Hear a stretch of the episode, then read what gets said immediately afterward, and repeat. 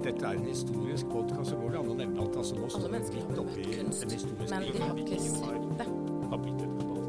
Velkommen til Vestfoldmuseenes podkast Tidsfordriv. Hei, velkommen til Vestfoldmuseenes podkast Tidsfordriv. I dag skal vi snakke om tradisjonsmat. I Vestfold har vi stolte tradisjoner, og noen av de er faktisk kjent over hele landet gjennom prestefrua Hanna Vinsnes. Hun bodde i Brunlandnes utafor Larvik i noen år. Hun døde altså for 150 år siden, og noen av hennes oppskrifter oppleves jo ikke som helt relevante, for dere har kanskje hørt 'man tager en halv gris'. Men hun hadde altså sansen for å hjelpe mange, for hennes drivkraft, det må ha vært folkeopplysning. For hør på disse andre titlene hun hadde. Husholdningsbok for tarvelige familier i by og land, og også en for fattige husmødre. Som det heter i dag, alle skal med. Og i Vestfold så har vi også tradisjon for at menn skulle med, for her etablerte de faktisk den første Stuart-skolen, altså de gutta som skulle lage mat for sjøfolka. Det var på slutten av 1800-tallet etter en engelsk modell, og det var skipsreder Bryde som sørget for dette. Så sånn er det, dere. Matkultur, det er noe som lever med oss, og det er gjennom et langt liv. Tradisjonsmat, hva er det som regnes som tradisjonsmat? Det kommer kanskje litt an på hvem vi spør. I dag har vi spurt Anne Arveskau. Hei, Anne. Hvem er du? Hei, jeg er en pensjonist fra nettopp Slottsfjellsmuseet, som er en del av Vestfoldmuseene. På Slottsfjellsmuseet så var jeg museumspedagog, og da likte jeg veldig godt å undervise elever. Jeg likte godt å formidle historie til voksne, til pensjonister, som jeg selv er nå, og til barnehagebarn. Alle sammen ønsket jeg å fortelle historier. Ja, så gjennom et langt og sammensatt museumsliv, så kan jeg jo tenke at du kan veldig mye om tradisjoner, Anne. Og måter å leve på, saker vi gjør, som er overført da fra generasjon til generasjon. Og maten vi spiser, Anne. Tenker du at det er tradisjonsbærer? Ja, det er i hvert fall tradisjon. Fordi vi har masse med oss fra faktisk tilbake til middelalder, ikke sant? Som, som vi fremdeles er levende mattradisjoner hos oss i dag. Og selv om selvfølgelig vi har mye annet òg, og en tradisjon den er jo ikke statisk, den endrer seg jo hele tiden, den også. Ja, det er det som er spennende. ikke sant? Vi får stadig nye overføringer fra generasjon til generasjon. Jeg tenkte på da du begynte i museene, som jo da begynner å bli en stund siden, da uh, hadde mat et uttrykk. og Kan du fortelle oss noe om hva er det du kjenner på som har forandret seg fra du begynte i yrkeslivet til der du sitter nå?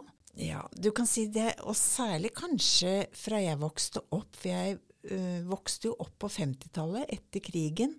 Og det var knapphet på veldig mye faktisk også på 50-tallet da jeg vokste opp. Og vi hadde jo en helt annet forhold til mat, tenker jeg. Vi var mye mer nøysomme. Vi fråtset veldig lite i ting som var sukker, f.eks. Ja, hadde dere sukker? Hadde ja, sukker? Ja. ja da, vi hadde sukker. Og vi hadde egentlig alt mulig, men vi hadde ikke så mye av det, tenker jeg. Og i hvert fall og den vanlige husholdningen, den var mye enklere og mye mer nøysom enn det vi finner i dag. Så mattradisjoner det henger da nøye sammen med tilfang av råstoffer? Det er klart de gjør det, ja. Så, og noe som på en måte vi alltid har hatt i Kyst-Norge, det er jo fisk. Tilgangen til fisk. Selv om også den har endra seg. At nå er det jo etter hvert blitt knapt med torsk i Oslofjorden. Og vi har jo fått laks isteden. Før var det også mye laks. Sånn, hvis du tenker før annen verdenskrig f.eks., og enda lenger tilbake, på 1800-tallet, da var man jo så lei laks bortover at man ønsket jo helt andre ting å spise. Ja, jeg tror faktisk jeg har lest et sted at de som uh, jobbet på veiene på Vestlandet, de hadde det kontraktsfesta at de skulle ikke spise laks mer enn tre dager i uka. Nei, og også tjenestejentene i Vestfold. Akkurat, du Og, verden. ja, da, så, Det, det, det, var, det var uventet for meg at laks var i den kategorien. For laks har jo virkelig av de tingene som har forandret seg. Før så hadde vi bare laks. Nå har vi villaks, og så har vi oppdrettslaks. ja, og vi har jo mest oppdrettslaks. I dag, den, ja. Mm. ja. i dag. Men den, den bygger jo på villaksen. Så oppdrettslaksen er jo en videreføring, tenker jeg, av den knappe ressursen som villaksen etter hvert er blitt. Og vi har jo veldig knapp tilgang etter hvert på f.eks. torsk, som jeg nevnte. Men du, hvis vi, hvis vi ser på dette med fisk, hvis vi, hvis vi går tilbake og tenker overføring av tradisjoner og tradisjonsmat. Dette med fisk. Hva kan vi si om liksom fisk tradisjonelt? Ja, for, for det første så er det jo snakk om konservering. Hvordan, vi, hvordan skulle man oppbevare fisk? Ja, og da hadde man jo selvfølgelig salt, så du salta f.eks. sild. Så spekesild var jo en veldig viktig del av kostholdet. Og også langt tilbake i tiden. Det var veldig forskjell på når det var sildeår at man kunne få tak i masse sild. Ja. Men var det mye sild, så ble det lagt ned i tønner med salt imellom. Og man salta silden. Men man hadde også fersk sild. Og det var jo selvfølgelig veldig mye under eh, annen verdenskrig. Da var det silda som faktisk reddet matauken i store deler av eh, I hvert fall her i Vestfold så hadde man tilgang på sild. Men, da- vi, men hvis vi går enda lenger tilbake, for jeg er litt nysgjerrig på dette her med fisken sånn som en tradisjonsbærer. da, For jeg tenker jo at hvis vi går tilbake til middelalder, så har jo fisken en helt egen betydning. Ja, men da hadde man jo også eh, muligheter til å konservere den, for da hadde man jo Man tørket den. Man har jo tørrfisk og klippfisk som ble tørka på forskjellige måter, og sånn den kunne holde seg. Og igjen av fisken så laget man jo da f.eks. lutfisk Ja. av den tørrfisken. Og det var jo en veldig viktig del av vår mattradisjon. For, eh, og særlig i perioden før jul, f.eks. Hvis vi går tilbake til middelalder, Mm, ja. så var det jo veldig viktig at man fastet. At, det vil si, man skulle ikke spise kjøtt. Og da var jo tilgangen til fisk veldig viktig. Så fisken den ble med oss som en ressurs da under en fasteperiode. Det var jo først etter eh, første juledag at man kunne gå løs på grisekjøttet. Grisekjøttet, ja, akkurat. Altså, Ribba. nå beveger vi oss egentlig over fra tradisjonsmat til mattradisjoner. Ja. Ikke sant? Ja, ja, og det er klart det henger jo mye sammen, tenker jeg. Så hvis vi prøver å, å samle dette litt, så har vi da altså mattradisjoner. At fisken kommer inn som en del av eh, folks liv og religion. Ja, ja. Det, det kan du si, for det, det var jo religiøst betinget at man skulle overholde fasten. Nettopp. Og så feirer vi de store høytidene, og så kommer det mattradisjoner som da har vært med oss i flere hundre år, faktisk. Ja. Jeg tenkte på, på Vestlandet så er det jo veldig mye brukt uh, lam eller sau. Når du tenker på pinnekjøtt f.eks. Det er jo en tradisjon som har vært, eh, vart veldig lenge på Vestlandet, og som vel mer og mer nå blir dratt over her til Østlandet. For jeg tror de aller fleste her på Østlandet også kjenner til måten hvordan man tilbereder eh, Pinnekjøtt. Pinnekjøttet. Ja, mm. Da er vi inne på ressurstilfanget igjen, eller, eller hva du faktisk hadde tilgjengelig av, eh, av råvarer. Da. Så tradisjonelt i Norge så har vi da hatt fisk, og så har vi hatt sau, så vi har hatt gris, kål. Å ja, grønnsaker eh, var jo selvfølgelig viktig. Og for ikke å snakke om når man fikk poteten. For det var jo veldig ofte uh, vanskelig med mat hvis du går før 1800-tallet. Da var det nok mye sult i Norge. Og poteten har reddet mange. Og poteten har vi jo brukt helt ja, vi, vi bruker jo mye potet enda, men den er jo betraktelig mindre i bruk i dag enn den ble f.eks. redningen under siste verdenskrig. Fortell om det. Og da kunne man ha Hvis du var så heldig å ha en liten hage, selv om du bodde i byen Man hadde det jo enklere, de som bodde på landet under annen verdenskrig. Men hvis man bodde i byen og hadde en liten haveflekk, så kan du være helt sikker på at man dyrka litt poteter. For poteter var en utrolig viktig ressurs. En annen grønnsak som også ble veldig mye brukt under krigen, det var jo eh, kålrabi. Ja, den har masse C-vitamin i seg, har den ikke det? Jo, og uh, litt mettende hvis du kunne da steke kålrabien. Og må huske på at det, du hadde ikke noe smør å steke i som regel. Under, det var jo stor rasjonering på matvarer. Rasjonering, rasjonering, hva betyr det? Ja, det betyr at du hadde, fikk f.eks. lov i en familie å kjøpe så og så mye smør. Du hadde tilgang til en knapp ressurs både smør og melk var rasjonert. Dvs. Si at du kunne ikke kjøpe så mye du ville av det. Eh, hadde du små barn, og hadde du spedbarn, så fikk du både hvitt mel og melk. Og sukker. Men eh, ble barna to år, så mistet du den ressursen til ekstra på det også. Men du, jeg tenker på, altså det er jo lenge siden annen verdenskrig nå. Det er vel 80 år, mer eller mindre. Men jeg tenker på, du sier at det var rasjonering, det var mangler, eller det var ja, man, man savner ting. Men det var jo fest og, og, anledninger og tradisjoner under krigen også. Hvordan lagde de festmat, da? Å, du kunne jo få vafler. Vafler? Ja. Og, men hvis ikke du hadde mel? Nei, men du hadde poteter. Potet. Og da var det nemlig bare å bruke poteten. Og kanskje du var heldig å blande den litt med melet, da. Og melet kunne være så mangt. Det kunne være svart mel, da hadde du litt tørka erter i. Og, og, svart mel? Ja, og det hvite melet, ja. det kunne enkelte ganger være uh, uh, puttet inn kritt. Kritt i melet, I er melet. det sunt? Det kan jeg ikke tenke meg. Men det var vel ikke så veldig mange som tenkte på hva var sunt og ikke sunt. Det var viktig å få mat i seg. Og istedenfor smør så brukte man jo tran, og det var i hvert fall sunt å ha tran. Men jeg vet ikke jeg, hvis vi skulle bruke tran og steke i dag, om det var så veldig mange som hadde spist den maten. De hadde kanskje ikke noe valg, men du, jeg må spørre deg. Altså dette her du sier de hadde svart mel fordi de blandet erter inn i det, og så var det da kritt i melet for å gjøre det delikat, da? Var det derfor, eller? Det var nok det, og for å drøye det, selvfølgelig. Akkurat. Ja, Støvverden. ja, det var knappe ressurser under krigen. Dette er jo noe som mange av oss som lever i dag ikke vet særlig mye om. Har du prøvd å lage mat etter de gamle oppskriftene fra krigen? Ja, jeg gjorde jo det da jeg var museumspedagog på museet, da, på Slottsfjellsmuseet. Da hadde vi noen arrang arrangement med vafler bl.a.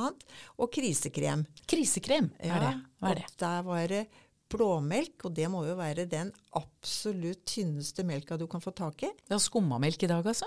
Skummet melk, og enda mer enn skummet melk, tenker jeg. Okay. Du har jo litt Mhm. variasjoner på melk i dag òg. Og blandet da med potet. Mhm. Og vispet.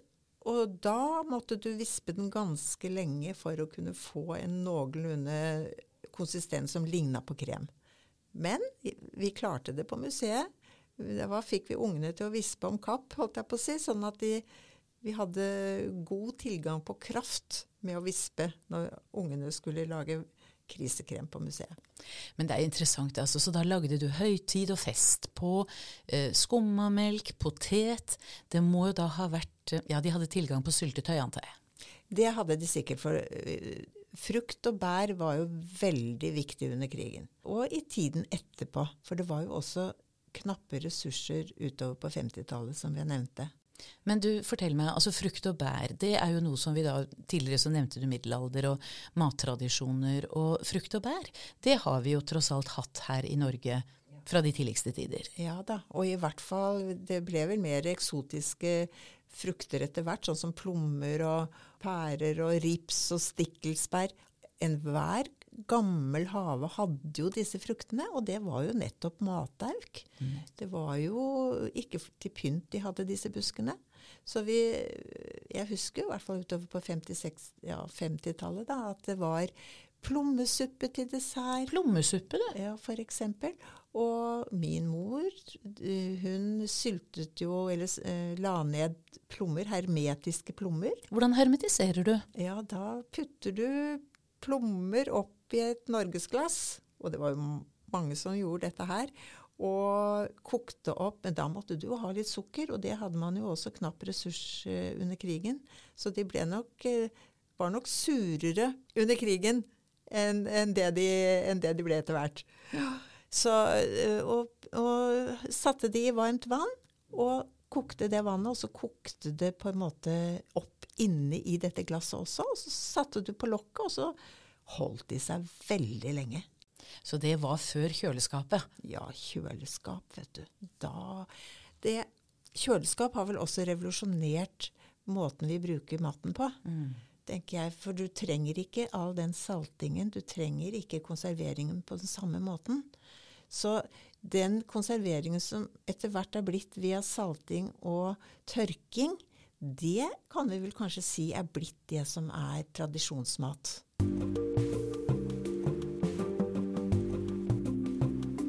Tidsfordriv. Anne, vi har snakket om at dette med tilgang, altså ressurser, hva du kunne lage mat av, det har jo vært ganske førende for hva som er blitt våre mattradisjoner. Tenker du at vi har vært nøysomme i Norge?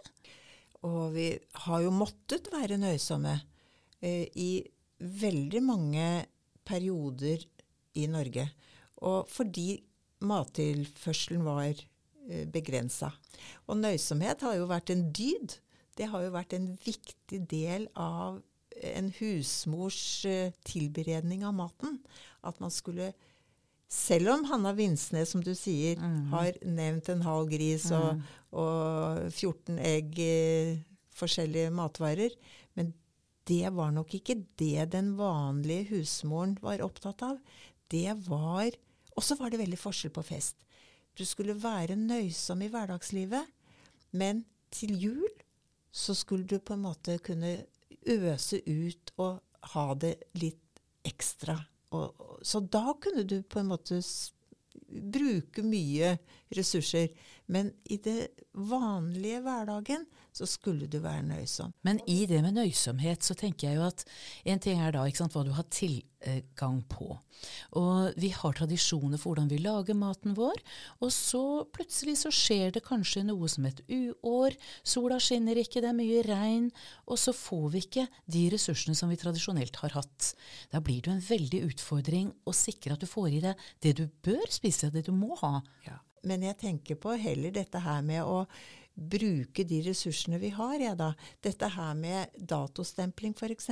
Det er noe med at hvis du skal kjenne om en matvare er brukbar, så kan du begynne med å lukte på den.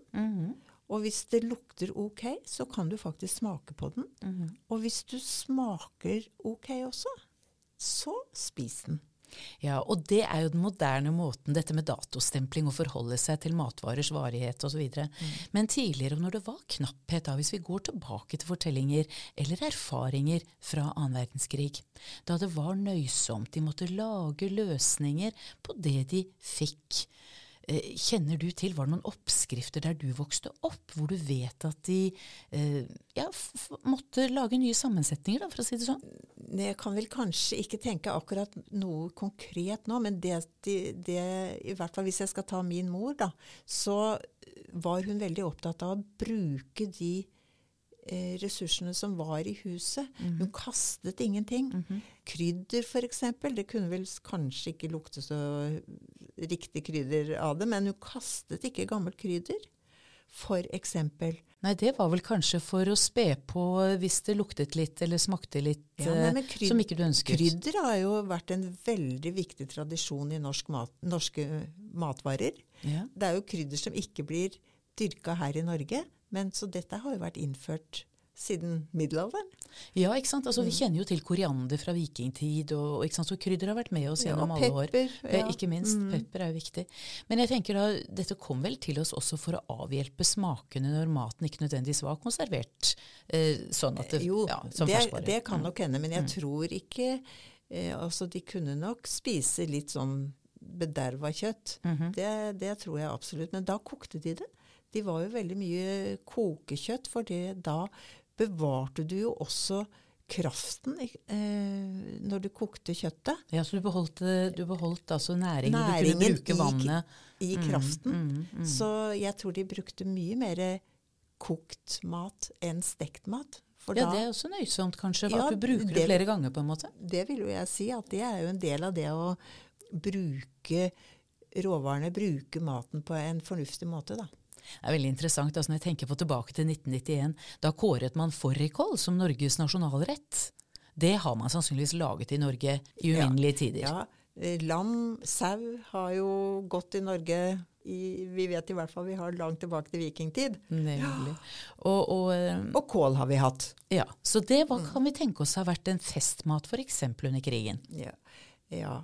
Under krigen var det veldig knapp tilgang på kjøtt i det hele tatt. Det du fråtset i, det var fisk, hvis du på noen måte fråtset. I hvert fall i den husholdningen jeg kjenner til, da, og hvordan min mor snakket. Så hun eh, var vel underernært da krigen var slutt. Fordi For- hun ga maten til sine barn? Ja, hun hadde to, ett spedbarn som var født i hø- vinteren desember 1940, og en som var født da før krigen. Så der gikk nok all den maten de fikk ekstra ved rasjoneringskortene. Så sparte hun på det hun selv fikk, og så ga det til barna. Men hun sultet ikke. Hun sultet nok ikke, men hun var aldri mett, som hun sa. Det er jo en erfaring å ha med seg. Mm. For det gjelder jo ikke vi som lever i dag. Vi kan jo spise når vi vil, hva vi vil, stort sett. Stort Selv om det er en generaliserende ting å si. Men du Anne, jeg lurer på altså dette med nasjonalretter og tradisjonsretter og hva vi har med oss. Nå har vi vært inne og snakket mye om fiskens rolle. Og så er det kjøttet, og så er det grønnsakene. Hva med bakverk? Ja, Det var jo da knapphet på ja, selvfølgelig bakverk. For eksempel eh, utover på bygdene så bakte man jo lenge sitt eget brød. Og da bakte man jo brød av det kornet de hadde på gården. Mm. Og det er jo derfor det har blitt så mange forskjellige typer brød, tenker jeg. Å ja, hva tenker du? Ja, nei, at, uh, folk hadde jo tilgang på forskjellige slags korn. Ja, ikke sant? Forskjellige jordsmonn ga forskjellig korn. Ja, antageligvis Ja, så, forskjellige sånn. Ja. smaker på forskjellige gårder. Ja, Ikke sant? det, det var forskjellig. Ja. Og, og flatbrød Mm. og lefse f.eks. Alle disse her har jo nesten hver gård har sin egen oppskrift. Hvis du skal gå og lete etter oppskrifter. Det der er jo fint å tenke på, fordi jeg, eh, mat har jo veldig ofte noe med stemninger å gjøre. Det appellerer til sansene våre. ikke sant? Og når vi står og lager mat, da, så er vi kanskje på jakt etter en smak fra barndommen eller fra en eller annen eh, hendelse som du har lyst til å gjenskape eller dele med andre. Og sånn tenker jeg at I Vestfold-arkivene så fins det jo kokebøker og hilsener ikke sant, som da var veldig vanlig å ha. Du skrev ned kanskje litt hemmelige ting, og du delte dem. Og så er de bevart for ettertiden. Og det finnes da bl.a. kokebøker fra krigen som sier noe om julemat i 1943. Og det sier noe da om, som du har vært inne på, krisekaker og Ja. andre måltider. Altså dette med å spe med erter har jo ikke jeg tenkt på. Nei, det håper jeg vi slipper. Ja, det er jeg enig med deg, men det skal jo være ja. sunt, da. Ja, men erter kan vi jo bruke på egen hånd, holdt jeg på å si. De er jo gode uansett. Ja, de har en egenverdi. Ja. Det har de så avgjort. Og det er jo nettopp dette her, at vi gradvis forandrer oss, og det er nye retter som kommer inn i nye sammenhenger, og noe overlever. Hva tenker du er det som virkelig er en tra mattradisjon for deg, som du har hatt med deg, og som du har gitt videre til dine? Jeg tror Jeg lager jo litt mat til disse barnebarna mine, og det som står øverst på ønskelisten, det er kjøttkaker i brun saus. Brun saus, du. Det er det ikke Ja. så mange som lager lenger. Ordentlig brun saus. Hvordan lager du det? Ja, det er med brune smør og mel og spe med kraft. Og så har du da lager du kjøttkaker av kjøttdeig. Og disse foreldrene, eller min sønn og hans kone, da, lager ikke saus. De syns det er noe ordentlig Nei. Det Er det, er det for kraftig? det er for kraftig. Det har vi ikke godt av. Nei, ok. Men en gang imellom tenker jeg at eh, mitt barnebarn, mine barnebarn de får kjøttkaker i brun saus, og de kjenner den smaken og de syns det er så godt. Og så knuser de potetene oppi denne sausen, da. Og så får de alt med seg fra tallerkenen, og ingenting går til spille. Nei, Og så får de så mange kjøttkaker de vil, og da går det mest i kjøttkaker og få poteter. Mens da jeg var liten, så fikk vi to kjøttkaker, og da måtte vi ha to poteter. Så det var ikke snakk om sånn som han ene barnebarnet mitt, han spiste 15 kjøttkaker og én potet. Det er ikke lov. Han, var kanskje, han er kanskje en veldig sportslig type, som trenger mye energi. Han er tynn som en strek, så det er ikke noe farlig. Men i disse kraftige sausene så ligger det mye energi. Ja, det gjør det. Og det trenger man kanskje ikke på samme måten i dag Nei, som man det. gjorde før. Nei. Og før hvor man hadde mye mer kroppslig arbeid, Ja.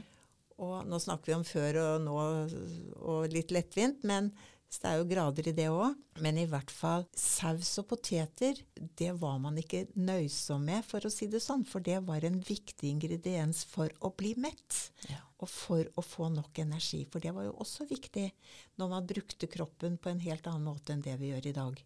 Men du var inne på, du sa jeg spurte hvordan du lagde brun saus, og så sier du da ikke sant, at du bruner smør og mel, og så sa du kraft. Og da tenker jeg at det der i seg selv er jo en ting som har forandret seg ganske mye over tid. Fordi tidligere så lagde man jo da sin egen kraft ved at du kokte ut kjøttben og, og, og marg og sånn. Men i dag så kjøper man jo dette her på flaske. Du har jo en fond, og så har du terninger. Terninger, ja, hva er det for noe? Ja, det er pressa sammen kraft i tørre terninger som du må løse opp i vann.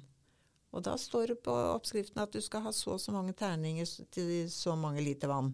Nettopp. Men det blir jo en mager saus, det da. Ja, det kan jo bli en god saus likevel, antagelig, men uh, Da må du putte det- oppi det smøret og ja, gjøre du, den du må ha smør Mm. og så en liten fløteskvett oppi da, vet du. Ja, fløte, selvfølgelig. Det, ja. Og da har man hoppet litt vekk fra det nøysomme. ja, det har vi så avgjort. Men jeg tenker jo at det er nettopp dette med hvilke behov hadde vi før, og hvilke behov kjenner vi at vi har nå i forhold til det livet vi lever. Og det er klart at maten speiler vel mye av det måten vi er sammen på, samværsformene våre, og hva vi har lyst til da, å skape av stemninger. For det er jo ikke tvil om at det å møtes og samles rundt et bord, det har kvaliteter. Og det har vi kanskje merket litt ekstra i en tid vi legger bak oss hvor det ikke var lov å være så mange sammen. Ja. Og da var det kanskje litt mangler på noen goder også. Vi hadde, eh, Husker du det? Det er ikke så lenge siden. Nei, nå, Ja. at, jeg, nå kan jeg ikke si at vi har hatt mangler på noen ting. Litt gjær, var det ikke den Jo, perioden? jo, det stemmer vel kanskje en kort, kort, kort periode. Og da var det jo mange som begynte å hamstre, fordi de lurte på hva er dette her for noe. Det var vel det at noen hamstret mel og gjær. Ja. Men jeg tror ikke tilgangen egentlig var knapp. Hvis vi bare, for jeg tror hvis du gikk i spiskammerset rundt omkring i de forskjellige husene, så var det veldig masse gjær og mel. Som folk eh, hamstret rett og slett av frykt for at det kanskje kunne bli Kunne knapphet. bli knapp. Ja. Ja. Og vi mennesker i dag, altså jeg er jo veldig spent på, for da går vi tilbake 80 år da, annen verdenskrig, og da var det jo reell knapphet, som du var inne på, ikke sant. Din families erfaringer, og dette med å spe på for å skape stemningene og høytidene, og lage det som minnet om tradisjonsmater. Jeg lurer på hva vi spiser om 80 år? Ja, det lurer jeg på. Ja. Men jeg tror ikke det blir sånn som man tenkte for, for noen år siden, at da kommer man bare til å spise ei pille. Det tror ikke jeg, for jeg tror vi mennesker vi liker smaken av god mat. Så jeg tror disse gode matrettene de kommer til å, til å fortsette å være viktige for oss mennesker. Men at det er eh, Det er jo blitt en helt annen tid når husmoren ha, full jobb ved siden av. Før, på 50-tallet, så var jo de fleste mødre hjemme med sine barn og hadde full nok tid til å lage all denne maten. Og det er klart, det kan de ikke gjøre lenger når man må mer kjøpe ferdiglaget mat. Ja, og så er det jo, ikke sant, det har jo kommet mange impulser til oss i denne, hva skal vi si, i, i, i senere tid. Hvordan det forandrer seg. Vi var inne på fryseren. Vi var inne på kjøleskapet. Og så er det jo TV-en. Plutselig så lærte vi å lage andre mater. For ikke å snakke om alle disse, disse som har flyttet inn til Norge fra andre steder, som har tatt med seg sin matkultur. Kjempespennende. Men det er klart, det endrer jo hvordan vi lever.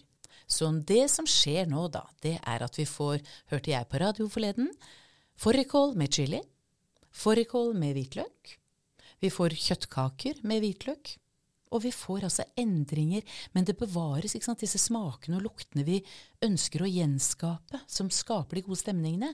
Det leter vi etter, men det får altså nye ingredienser. Og sånn har det vel vært til alle tider. Det har det vært. Men i dag går nok endringen litt raskere enn den gjorde f.eks. på 50-tallet. Selv om den store, store endringen i mattradisjonene våre har nok skjedd etter annen verdenskrig. Da kommer impulsene mye raskere fra utlandet. Og så kanskje det er nettopp det at det har gått så fort at vi nå vil litt tilbake, stoppe litt opp og kjenne etter hva var det fine, hva var det nøysomme, hva var det som gjorde at alle kunne delta rundt bordet når vi delte det vi hadde, og lagde langkoka mat, som de kalte det. Ja da. Og, og, og også at vi bruker eh, At vi tenker på at vi skal ikke kaste ja, Nå skal ikke jeg bli moraliserende, men, men uh, at vi ikke er så opptatt av, av eh, at vi må smake på maten og kjenne om den er dårlig. Rett og slett. Ja. Gjenbruk. Og ikke kaste mat. Nei, det der er, går jo rett inn i bærekraftsmålene til FN, som vi nå alle sammen skal ha som rettesnorer for en god framtid for oss alle. Og da kan det jo hende at mattradisjoner og litt nøysomhet kan gagne oss alle. Tusen takk, Anne. Bare hyggelig.